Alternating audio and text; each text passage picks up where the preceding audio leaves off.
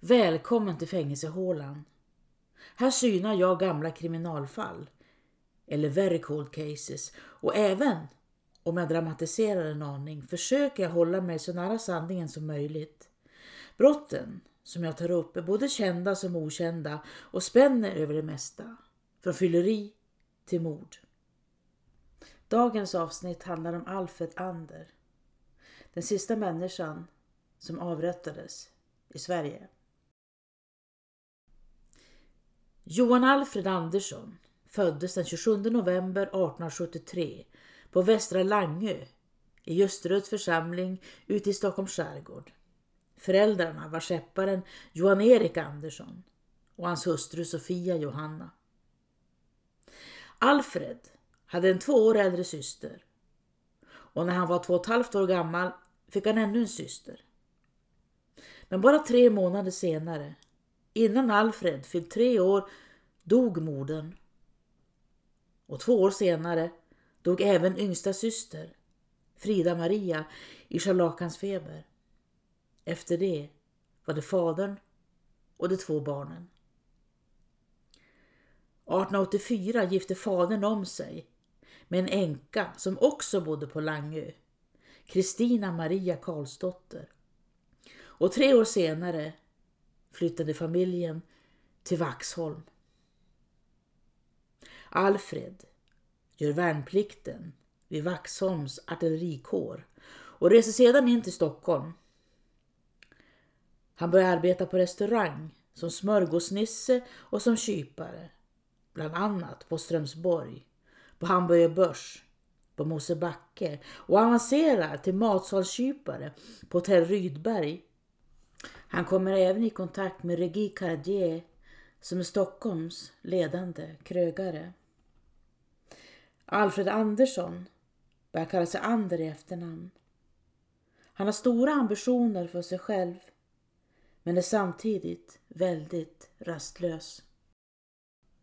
Alfred köper en cigarraffär på Lästmakaregatan och anställer en kvinna som också får överta driften och skötseln av affären. Hon heter Julia, kommer från Norrköping och de gifter sig vid jul 1894. Julia Charlotta var nästan på dagen sex år äldre än Alfred. Hon hade många syskon och hennes far, Otto Wilhelm Melander, hade varit handlare i Norrköping i livstiden.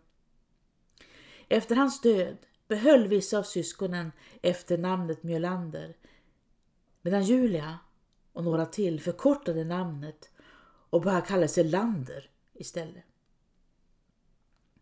Julia Lander hade bott i Stockholm under en period i slutet av 1880-talet men återvänt till Norrköping igen. I januari 1888 födde hon en son, Carl Julius, som avled redan i mars. 1891 var hon tillbaka i Stockholm, gifte sig med Alfred Ander och skötte om hans affär på Lästmakaregatan tills han valde att sälja den. Fyra år efter bröllopet, 1898, flyttar Alfred och Julia till Strängnäs och övertar järnvägshotellet. De startar verksamheten i stor stil, arrangerar fester för stadens ledande personer och champagnen flödar. Tillsammans med några andra personer försöker Alfred Ander, enligt Eskilstuna-Kuriren, få spriträttigheterna för Strängnäs, men misslyckas.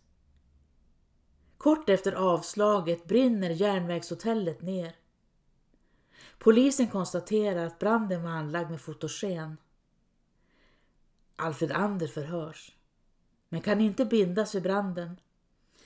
Järnvägshotellet går i konkurs och Alfred och Julia lämnar Strängnäs och reser tillbaka till Stockholm. På kvällen den 10 juni 1901 arresteras Alfred Ander misstänkt för cykelstöld. Han grips efter att ha försökt belåna en cykel på pantbanken. kontorseleven Johan Georg och Leopold Krause berättar i förhör att hans cykel stått ute på Birger samma kväll och förmodligen blivit stulen omkring klockan halv nio. Alfred Ander berättar att han lämnat sin bostad på Helgagatan 5 samma eftermiddag. Senare hade han stött ihop med en man vid namn Karlsson ute på Mäster Samuelsgatan som bjudit ut en cykel till försäljning. Kanske min herre vill köpa velocipeden? Han får den för hundra kronor, hade han sagt.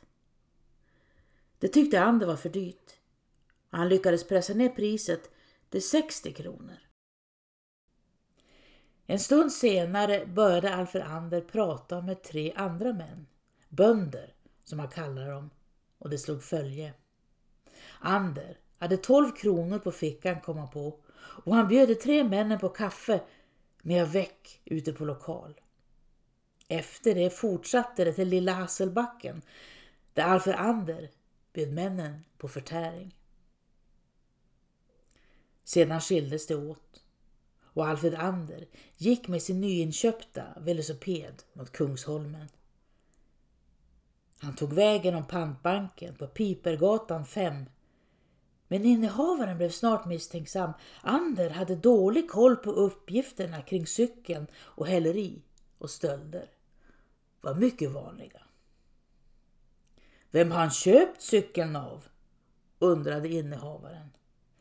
Han heter Karlsson, svarade Ander och bor på Flemmingsgatan 8, tre trappor upp. Männen gick dit. Men där, på Flemmingsgatan 8, tre trappor upp, fanns ingen Karlsson. Och på så sätt kom det sig att Alfred Ander arresterades. Anders hustru, Julia, bekräftar att maken gått hemifrån den dagen. Men det märkliga med förhören var vittnet Hilma-Sofia som arbetade på kaféet Skeppsbron 18. Hon berättade att den anklagade varit inne på kaféet dagen innan och druckit en halv butelj porter. Jag tyckte att jag kände igen honom, sa hon efteråt.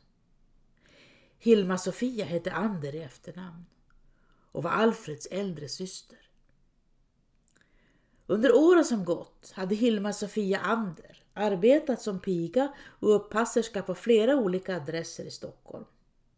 I oktober 1898 dömdes hon för att på särskilda tider och ställen stulit gods till ett sammanlagt värde av 19 kronor. Det är ett års straffarbete. Hon skickades till fängelset i Mariestad och hade frigetts i januari 1899.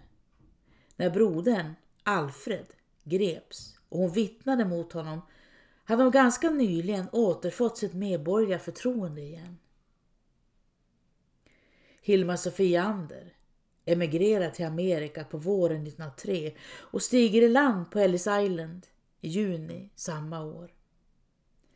Kontorseleven Johan Georg Leopold Krause som förlorat sin cykel känner mycket väl igen sin velociped. Alfred Ander döms till tre månaders straffarbete och placeras på Långholmen.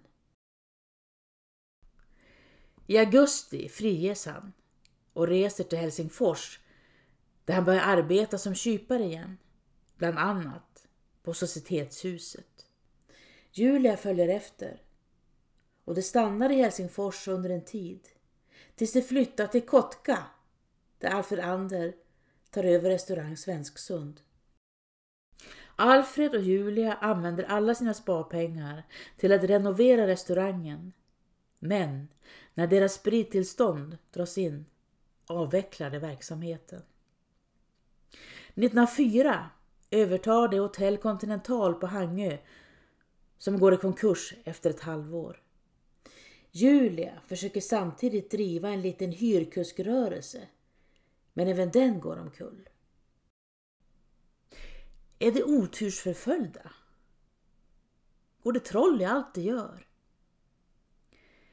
Både Ander och hans hustru Julia konsumerar stora mängder alkohol. Julia berättar i polisförhör att Ander misshandlat henne vid flera tillfällen medan de bodde på Hangö. I Kokta hade Ander skaffat en revolver och en kväll hade han kraftigt berusat skjutit omkring sig i sovrummet. Julia flydde och när han kom tillbaka igen satt Ander i en fåtölj med revolverpipan i munnen och hotade med att ta sitt liv. Under våren 1906 återvänder Alfred och Julia till Sverige och tar över Rimforsa turisthotell i Östergötland som inte heller klarar sig längre än några månader.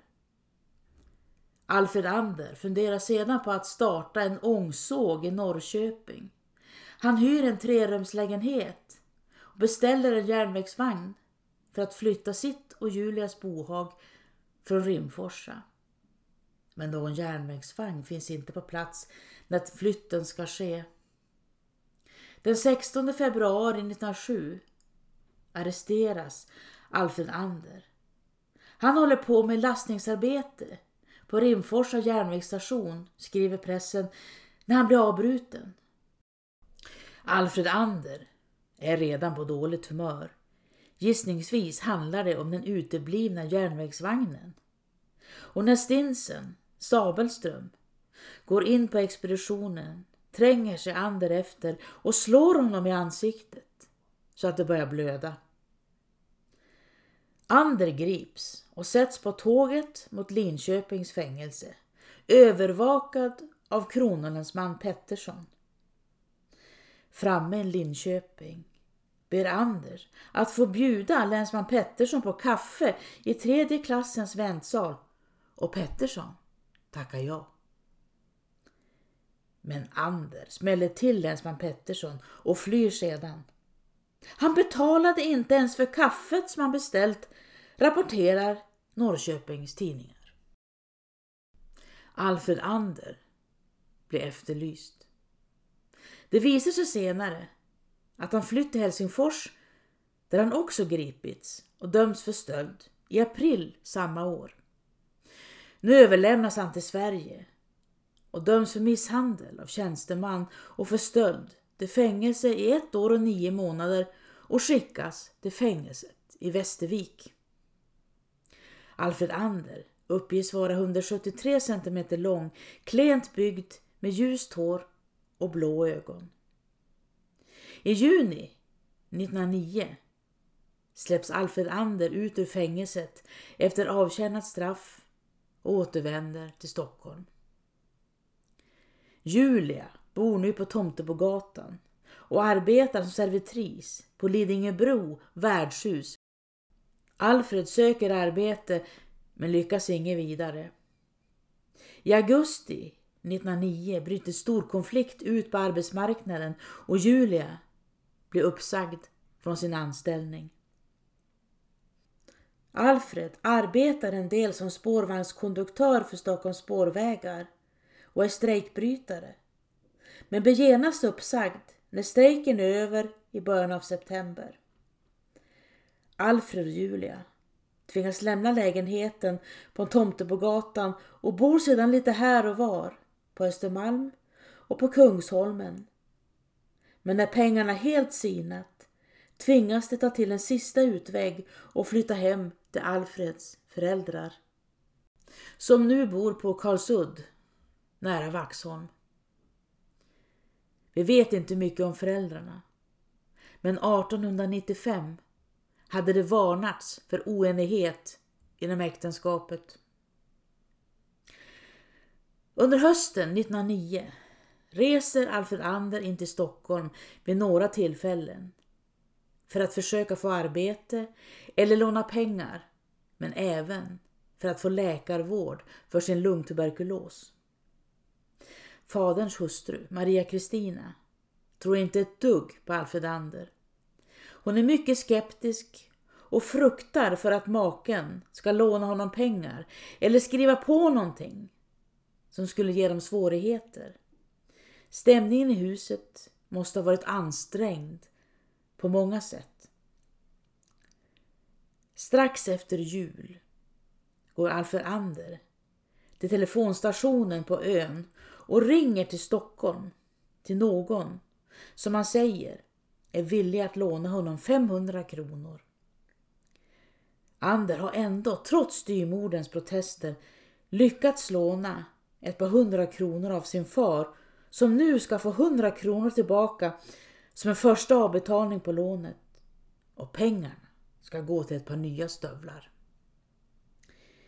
Julia har också fått löfte om att låna pengar av en släkting och planerar att resa med in till Stockholm. Tisdagen den 4 januari 1910 tar Alfred och Julia ångbåten Vaxholm 2 från Karlsunds brygga mot Stockholm. Vädret är gråmulet och resan tar omkring en timme. Alfred Ander är otålig och nervös och säger till Julia, jag har inte tid att gå och valla dig. Julia ska övernatta hos en fru Samuelsson på Kungsholmen och Alfred och Julia kom överens om att sammanstråla nere vid båten igen. Klockan tre dagen efter för att resa tillbaka till Karlsund. Alfred Ander går till hotell Temperance som ligger på Bryggargatan ganska nära Stockholms centralstation. Senast han övernattade på hotellet för några veckor sedan smet han från betalningen och risken för att någon i personalen ska känna igen honom är överhängande. Anders checkar in, begär upp sin koffert på rummet och går sedan ut på stan för att leta upp en man som är skyldig honom pengar. En handelsresande Karl August Johansson som bor på Rådmansgatan.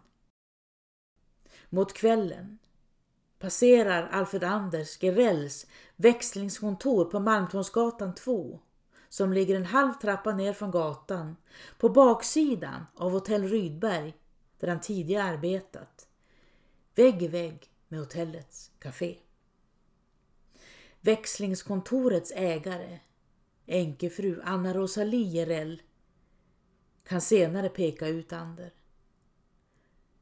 Han var mannen som kommit in på kontoret, sett sig om en stund innan han köpt en dragningslista för fem öre och gått ut igen.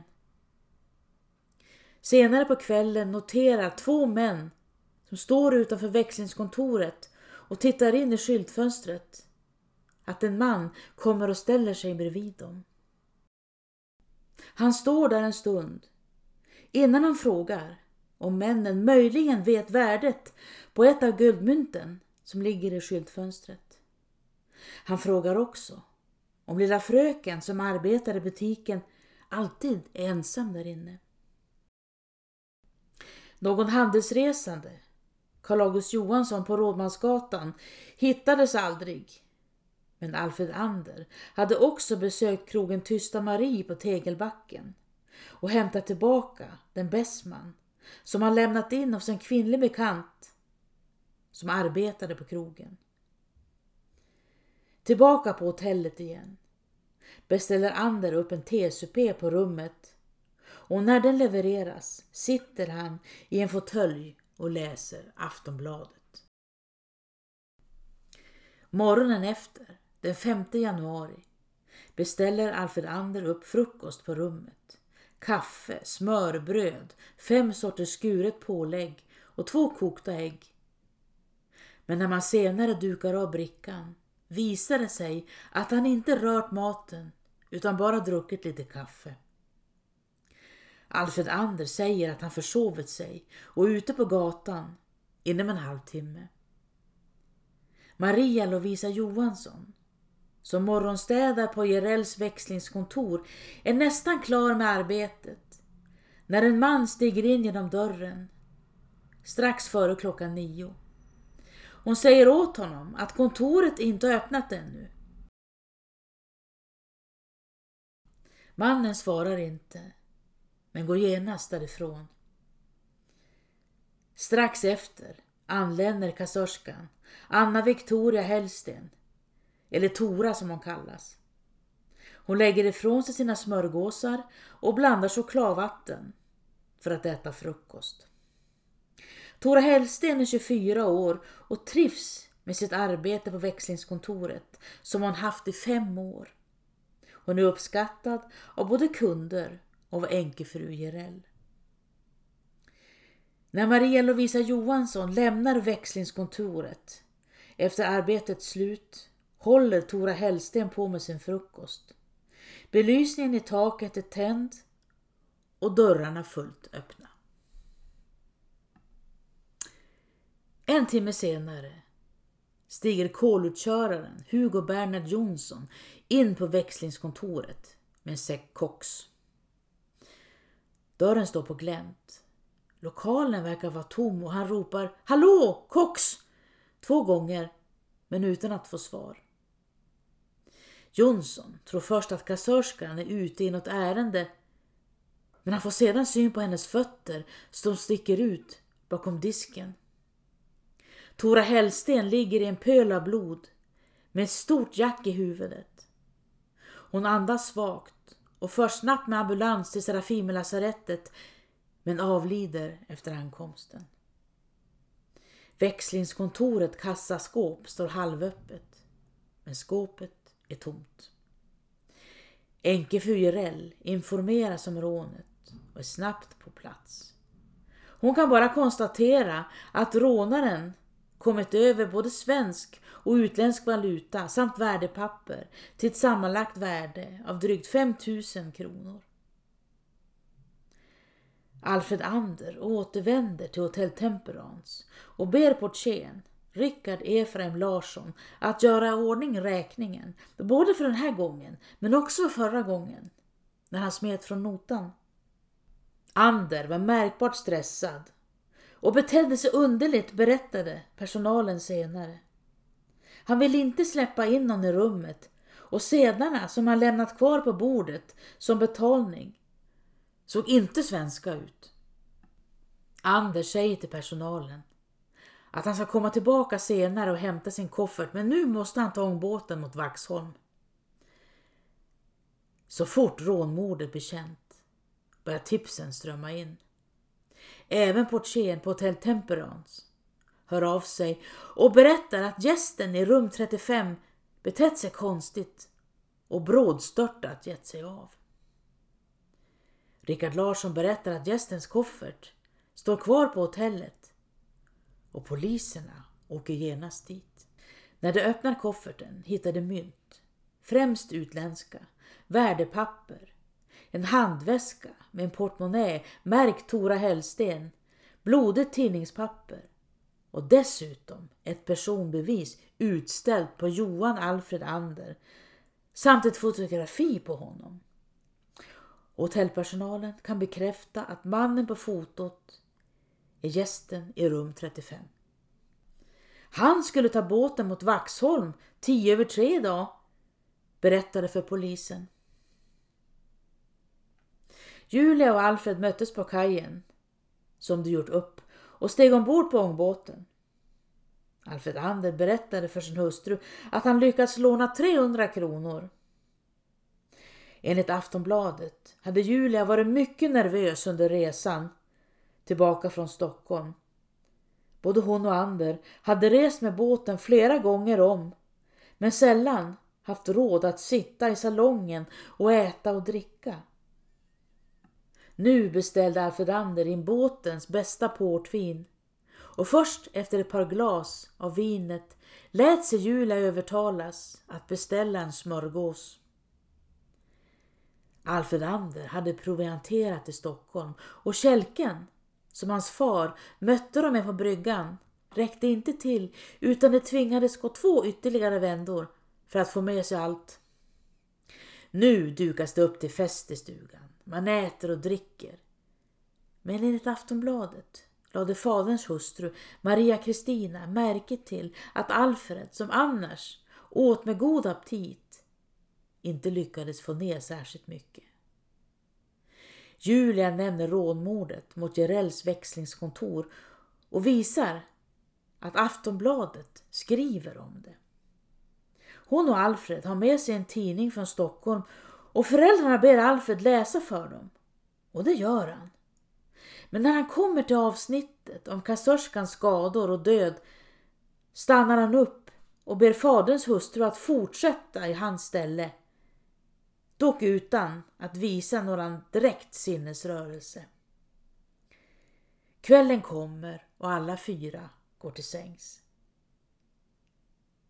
I Stockholm hade överkonstapel Frick fått bekräftat att Ander och hans hustru rest med 15 och 10 båten mot Vaxholm. Men sista Vaxholmsbåten hade gått för dagen så överstekonstapel Frick beordrar fram båten Sigge från transportbolaget och klockan 22.20 ger sig två överstekonstaplar och åtta detektivkonstaplar iväg.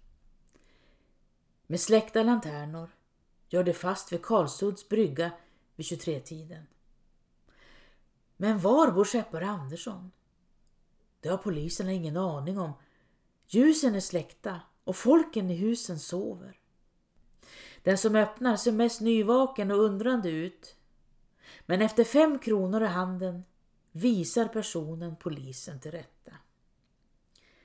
Poliserna omringar Anderssons stuga och överstekonstapel Frick bultar på dörren. Skeppare Andersson öppnar och poliserna stormar in. Ander sitter fortfarande i sängen tillsammans med Julia när poliserna störtar in i rummet. Ett laddat gevär står lutat mot väggen men Ander hinner inte nå vapnet innan han grips.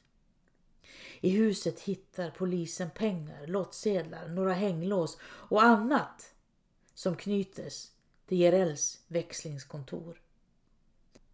Alfred och Julia sätts i handfängsel. Men också föräldrarna förs ombord på Sigge och kvart i fyra på morgonen angör Sigge vid Skeppsbron.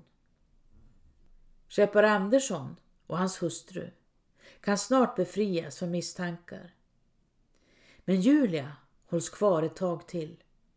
Inte för att polisen tror att hon deltagit i själva rånmordet. Men kände hon till sin makes planer? Det finns inga bevis. Hon släpps ut ur häktet den 9 februari. Bevisen mot Alfred Ander är däremot massiva och flera vittnen pekar ut honom. Anders Bessman hittas i en fastighet på Drottninggatan och på den finns ett hårstrå från Tora Hellsten. Man kan också bevisa att Ander lämnat in vågen för förvaring på Tysta Marie några dagar före jul 1909. Han hade sedan återvänt den 4 januari och hämtat den. Några veckor efter rånmordet får polisen fram ett brevkort som Anders skrivit till en kvinnlig bekant i Helsingfors. Kortet var postat i Stockholm på trettondagen den 5 januari och Anders skrev till henne. Jag är i Stockholm idag för att uträtta viktiga saker. Imorgon ska allt avgöras och tur är väl det. Vad menar Anders med det? frågar polisen. Jag vet inte, svarar Alfred Ander. Jag har ingen aning.